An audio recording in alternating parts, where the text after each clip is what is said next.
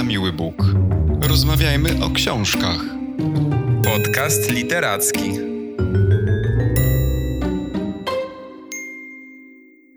Cześć wszystkim, witajcie w kolejnym odcinku podcastu na miły Bóg.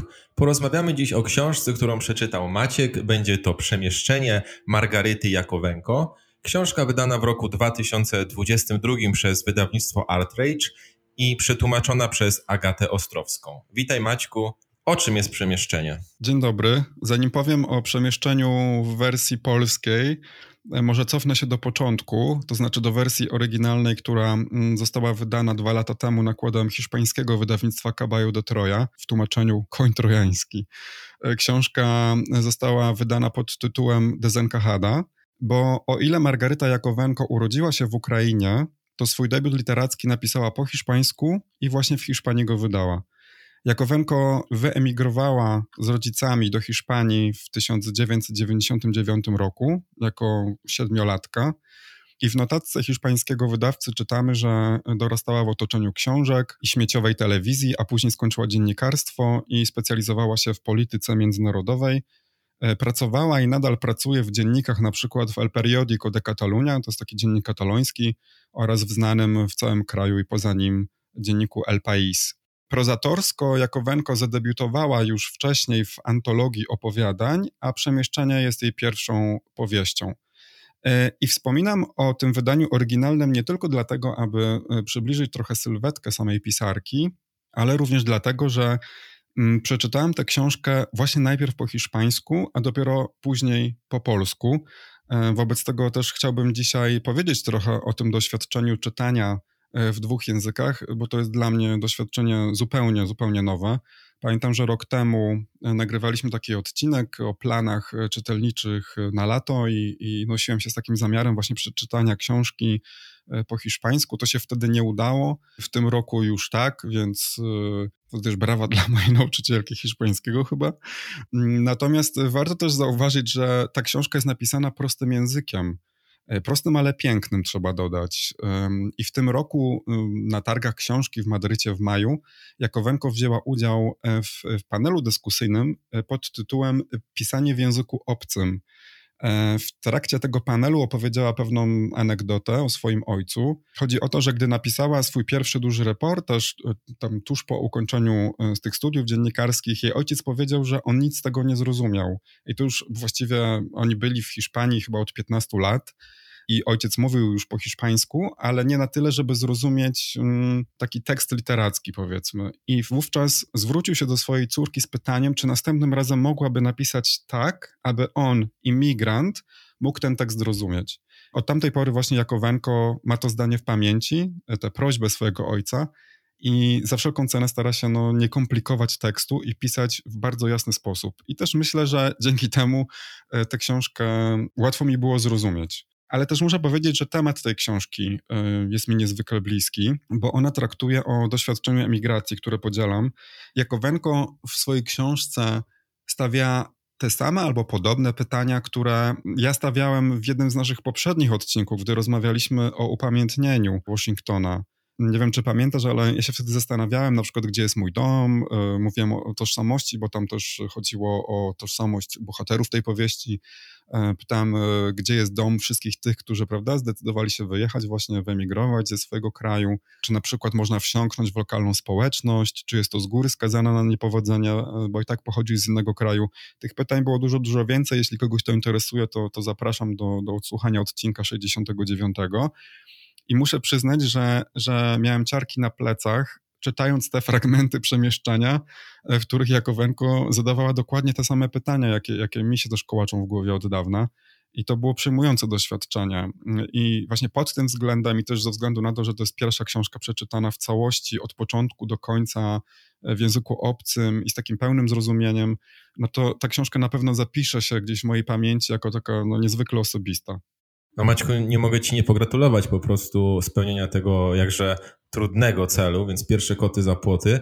A zostając jeszcze przy tej formalnej e, stronie książki przed przejściem do samej treści, e, no na pewno czytając dwie wersje językowe masz jakby bardzo klarowny obraz pracy tłumacza w całym, w całym procesie tworzenia książki. Jak to wygląda według Ciebie? Jaka jest różnica pomiędzy tymi wersjami językowymi, nawet na podstawie może samego tytułu w pierwszej kolejności, który nie jest być może przetłumaczony nawet dosłownie, bo często tak bywa. Y, jak jest w tym przypadku? W tym przypadku jest przetłumaczony dosłownie, ale y, jeszcze zanim ci powiem o tytule, bo to też jest trochę ciekawa sprawa, y, to faktycznie było trochę tak, że jak czytałem wersję polską, to przypominały mi się niektóre zdania. Oczywiście nie jest tak, że całą książkę się pamięta po hiszpańsku i, i dopiero potem czytasz wszystko po polsku, tylko przypominają się konkretne momenty w książce, często takie, których być może nie do końca się zrozumiało, bo to też jest tak, że ja nie mam takiego połączenia z tekstem hiszpańskim w języku hiszpańskim jak w języku polskim, prawda? Czytam coś po hiszpańsku i jednocześnie w mojej głowie odbywa się takie symultaniczne tłumaczenie na język polski, prawda? Jakby nie jestem na takim poziomie, a znam takie osoby, które potrafią czytać na przykład w języku obcym i od, jakby od razu rozumieją bez przekładania sobie w głowie na język polski. E, jednak z tekstem literackim no nie jest tak łatwo, prawda? W wielu momentach, na przykład czytając po polsku, wracałem też do książki e, hiszpańskiej, żeby zobaczyć, jak ta forma, jak te słowa zostały tam zapisane w oryginale, bo na przykład już nie pamiętałem. I na przykład zdawałem sobie wiele razy sprawę z tego, że ja bym przetłumaczył to zdanie zupełnie inaczej. I wtedy sobie uzmysłowiłem, że właściwie ile jest osób, tyle będzie interpretacji językowych danej książki. I oczywiście E, uświadomiłem sobie, no właściwie nie uświadomiłem sobie, bo to jest coś, co chyba wszyscy wiemy. Po prostu warto to podkreślić, że tłumaczenie książki faktycznie jest czynnością pisania jej od nowa w danym języku. E, dlatego tak ważna tutaj e, rola tłumaczy i tłumaczek. Powinno się stworzyć jakąś nagrodę dla tłumaczy i tłumaczek w Polsce, myślę. No, jak najbardziej zgadzam się z tym, że jest, że praca tłumacza to jakby tworzenie książki od nowa. A propos tych nagród, w Polsce Instytut Książki przyznaje nagrody za najlepsze tłumaczenia polskich y, książek y, na świecie. Y, I na przykład taką nagrodę dostała ostatnio Jennifer Croft, która przetłumaczyła księgi Jakubowe Olgi Tokarczuk. Tak, ale to są nagrody za tłumaczenie na język inny niż polski. A mi chodziło o taką na przykład nagrodę, że właśnie może powinno się wręczać polskim tłumaczom i tłumaczkom, które, którzy tłumaczą na język polski zagraniczne tytuły. Ale wracając do tego tytułu, bardzo ciekawa gra językowa, bo przemieszczenie według mnie wcale nie oznacza takiego dosłownego aktu wędrówki, prawda? Czyli na przykład zmiany kraju A na kraj B. Mi się przemieszczenie kojarzy w pierwszej kolejności z terminem medycznym, na przykład przemieszczenie kości, czyli nie wiem, zwichnięcie, prawda? Gdy mówimy, że coś nam się przemieściło w ciele, to raczej mamy na myśli coś negatywnego. Gdy coś się przemieszcza, jest najczęściej poza naszą kontrolą, przemieszcza się samo, bez naszego udziału. Albo ktoś lub coś nas na przykład może przemieścić i też niekoniecznie za naszą zgodą. Raczej kojarzy mi się to z jakimś przemieszczeniem siłą albo jakimś nakazem. I też z tym słowem kojarzy mi się taki stan zagrożenia. Na przykład, nie wiem, mówimy, przemieszcza się statek jakiejś obcej cywilizacji, na przykład, albo samochód może się przemieszczać z bardzo dużą prędkością, albo przemieszczają się siły wroga. Kiedyś na przykład właśnie przemieszczało się ludność, prawda, jakimś dekretem na przykład i tak dalej, i tak dalej. Tak mi się wydaje, że gdy my sami zmieniamy miejsce zamieszkania na przykład, nie mówimy raczej, że się przemieściliśmy. Nie? Raczej to słowo jest zarezerwowane dla bardziej e, pejoratywnych sytuacji, szczególnie właśnie takich, które, powtarzam, mają miejsce poza naszą kontrolą. Takie przynajmniej odnoszę wrażenie. Tytuł hiszpański brzmi tak samo. Desencajada znaczy dosłownie przemieszczona. Tu jest tylko taka różnica, że w języku polskim tytuł jest rzeczownikiem, e, hiszpański jest przymiotnikiem, czy właściwie imię słowem przymiotnikowym, ale znaczenie jest to samo. Desencajada, czyli przemieszczona, również właśnie może być zwichnięta, wyrwana także w takim sensie medycznym, na przykład jak komuś żuchwa wyskoczy ze stawu, to, to wtedy też mówimy, że jest właśnie desencajada. I polska okładka tej książki jest stylizowana na paszport i na tym paszporcie, na tej okładce właśnie są tytuły w trzech językach, po polsku, po hiszpańsku i po ukraińsku. Natomiast okładka hiszpańska, choć jest mniej atrakcyjna wizualnie, to moim zdaniem lepiej podkreśla tytuł książki, bo widzimy na niej ukraińskie jajko pisankę i skorupka jest rozbita, a zawartość jajka jest rozlana. I o tym właśnie jest ta książka. Przemieszczenie opowiada o sytuacji, w której wyrwano cię ze znanego ci miejsca, tak? A znane ci miejsce to, to miejsce bezpieczne najczęściej i przemieszczono w inne, obce, nie pytając cię o zdania. To rozbite jajko właśnie jest świetnym symbolem na tej okładce. No i właśnie Jakowenko sprawdza, y, co dzieje się z człowiekiem w takiej właśnie sytuacji. Powiedz, kim jest w zasadzie bohaterka? Wiemy tylko, że wyjechała w latach 90. wraz z rodziną do Hiszpanii. Czy to jest historia samej autorki, czy to jest totalna fikcja? Właściwie nie wiemy, co tutaj jest wymyślone, a co jest prawdą. Wiemy, że bohaterka na pewno podziela dużą część e, tego doświadczenia emigracyjnego autorki. Ja myślałem, że to może być taki przypadek jak w książkach Edwarda Louis, ale sama Jakowenko odcina się od tego typu fikcji. Ona właściwie mówi o czymś, co przetłumaczylibyśmy jako autofikcja. Wydaje mi się, że w języku polskim e, ten termin literacki brzmi fikcja autobiograficzna.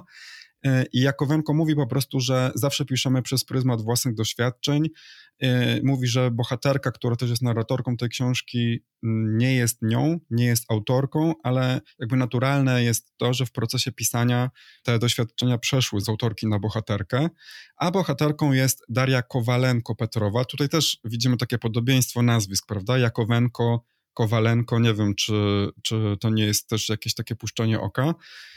E, bohaterka urodzona w Mariupolu w 1992 roku, właśnie też podobnie jak autorka książki, podobnie jak e, jej ojciec pod koniec lat 90., ojciec Darii, bohaterki, również e, wyemigrował za chlebem z Ukrainy do Hiszpanii. I mimo obietnic nie wraca, a wręcz przeciwnie, mówi swojej żonie, matce dziewczynki, że obie muszą przylecieć do Hiszpanii, muszą do niego dołączyć. I tak oto siedmioletnia Daria wyjeżdża z Mariupola do Barcelony. Poznajemy ją 20 lat później, tak zaczyna się książka, gdy jako dorosła kobieta stoi w hiszpańskim urzędzie i zrzeka się ukraińskiego obywatelstwa, aby przyjąć e, nowe hiszpańskie. I tak rozpoczyna się ta książka. Narratorka zastanawia się dalej, co ten fakt oznacza. I jako Wenko, jako pisarka robi to świetnie literacko, trzeba to, to przyznać. Myślę, że to jest taki przykład książki, która, tak podejrzewam, prawdziwe doświadczenia autorki przekuła w prawdziwie literacką opowieść.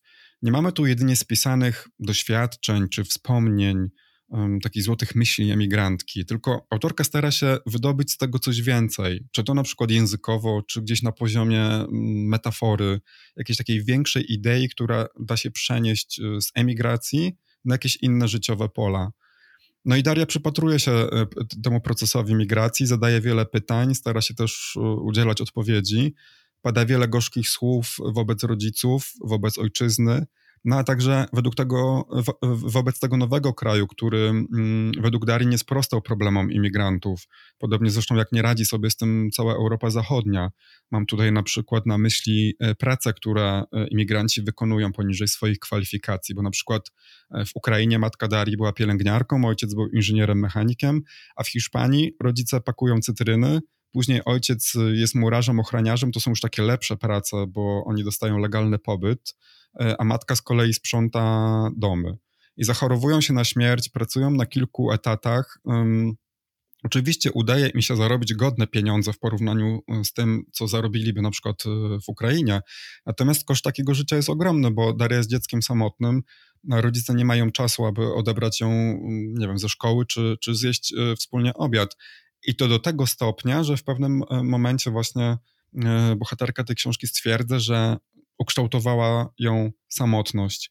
Tych e, problemów takich na przykład, z którymi Europa Zachodnia nie radzi sobie w kontekście imigrantów jest w tej książce całkiem sporo. Na przykład bardzo ciekawe jest to, że e, w Hiszpanii można dostać obywatelstwo po 10 latach e, takiego legalnego przebywania tutaj. I bohaterka pisze o tym, że udało się to dopiero po 19 latach.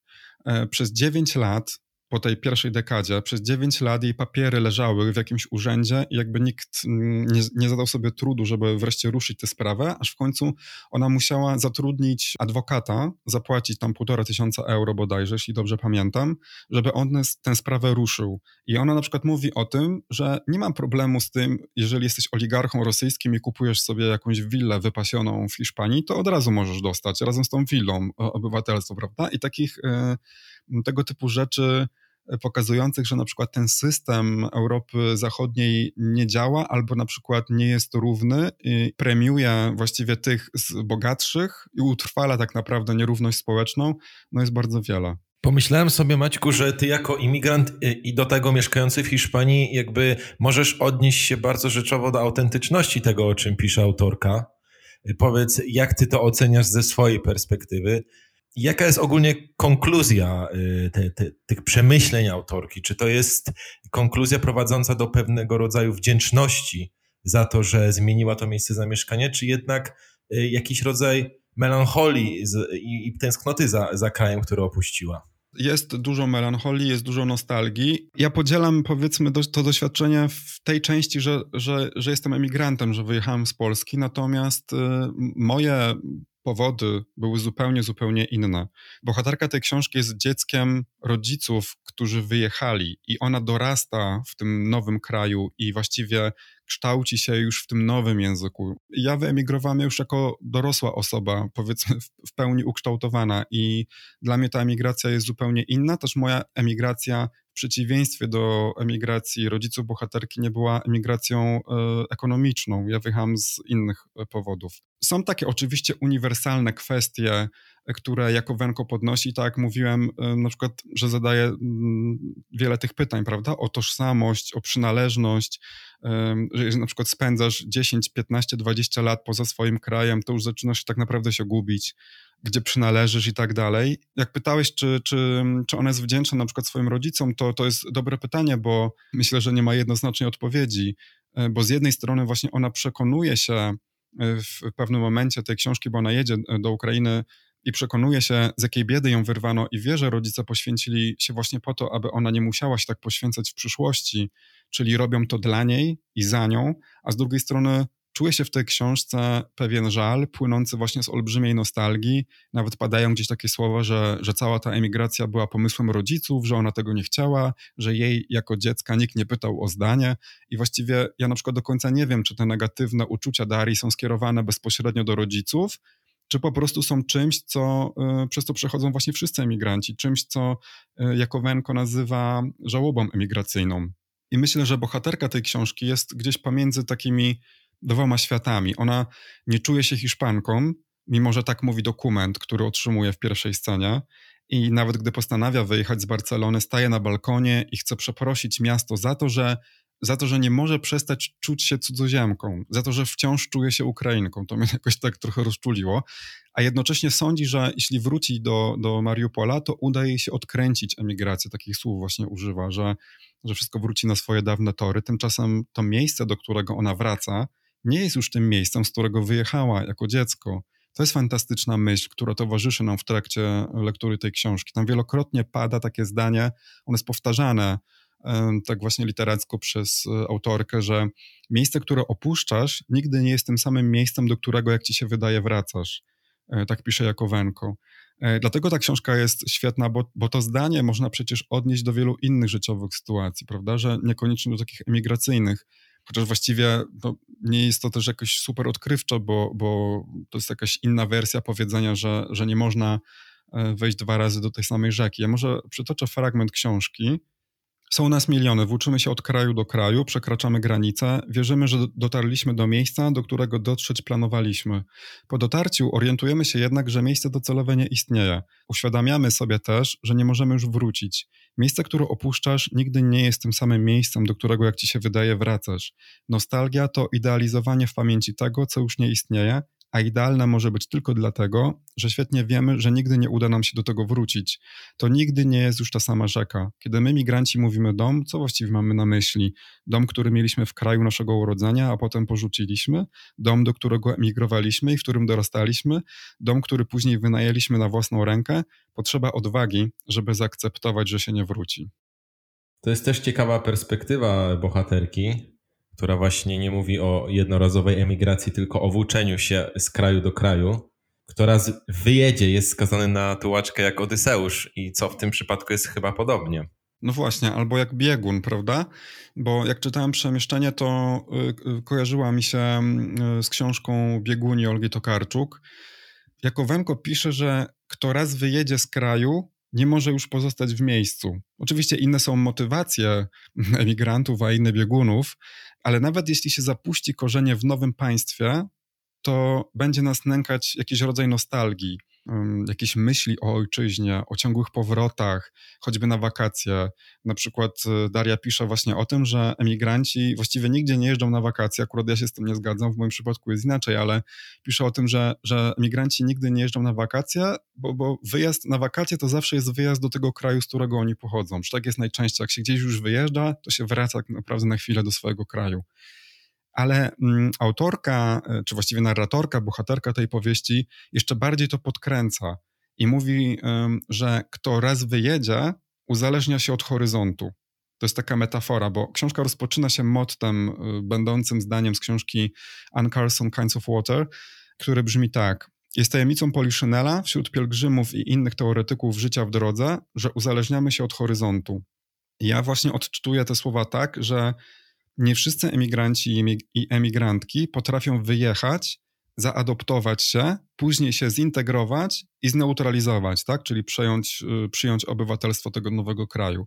W jakimś sensie w moim przypadku też tak trochę było. Ja wyjechałem do Berlina najpierw i wydawało mi się, że to jest moje miejsce, ale po sześciu latach okazało się, że znowu jedyne czego pragnę to wyjechać gdzieś indziej.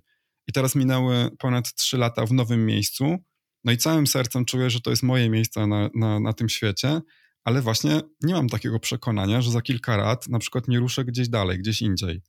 Jednocześnie zmroziło mnie trochę to motto o horyzoncie i to, co przeczytałem w tej książce o horyzoncie, bo to już jest później też przepracowane y, przez bohaterkę. Bo z kolei dla mnie widok horyzontu to jest coś, co mnie bardzo uspokaja. I trochę się boję, że, że może horyzont nie uspokaja mnie tylko wizualnie, tak graficznie, prawda? Jako takie dwie spokojne, bezkresne płaszczyzny, bo przecież widok morza i nieba jest takim widokiem kontemplacyjnym, prawda? Który właśnie pozwala odnaleźć, odnaleźć równowagę i tak dalej. Być może to, co na przykład mi daje spokój, to podświadoma myśl, że zawsze mogę wyruszyć w to nieznane. Jakby horyzont jest takim, wiesz, symbolem możliwości podróżowania. No bo już kilka razy to zrobiłam i dlaczego na przykład nie mógłbym zrobić tego kolejny raz? na przykład jak coś się zacznie psuć. I tu się też taka pojawia właśnie mm, taka wizja emigracji jako ucieczki. Jeżeli jesteś w jakimś miejscu i, i, coś ci nie pasuje, to zawsze możesz uciec do nowego miejsca. I właśnie też bohaterka mówi, że, że migranci uzależniają się od horyzontu, bo jako jedyni naprawdę są panami swojego losu zwróćmy uwagę na to, że, że, że emigrantami są ci ludzie, którzy nie zgodzili się na tą sytuację, która została ich w kraju, czy to na przykład ekonomicznie, czy, czy ideologicznie, czy z jakiegokolwiek innego powodu. To znaczy, nie dali się po prostu zamknąć w tych ramach. Jeżeli coś ich uwierało i coś im nie pasowało, po prostu wyjechali. I w tym sensie są panami swojego losu. W związku z tym, jeżeli są w tym nowym miejscu i w nim też coś im nie będzie odpowiadało, to zawsze mogą wyjechać dalej, tam gdzie właśnie ich horyzont poniesie, bo, e, bo już raz to zrobili. Natomiast uważam, że bohaterka opowiada swoją historię, a nie historię wszystkich emigrantów i emigrantek. Ja myślę, że to jej uzależnienie od horyzontu, o którym pisze, to uzależnienie takie od tułaczki wynika z prostego faktu niepogodzenia się z tą nową rzeczywistością. Mi się wydaje, że ona po prostu się nie może odnaleźć w tej Hiszpanii, że coś jej tutaj nie pasuje, coś ją uwiera, ona mm, jest pogubiona, jeśli chodzi o, o tożsamość, przynależność i tak dalej. Może cierpi na, na coś w rodzaju syndromu e, Ulyssesa czy Odyseusza. Więc tak, myślę, że to jest taka bardzo jednostkowa e, opowieść, a niekoniecznie opowieść e, o wszystkich emigrantach i emigrantkach.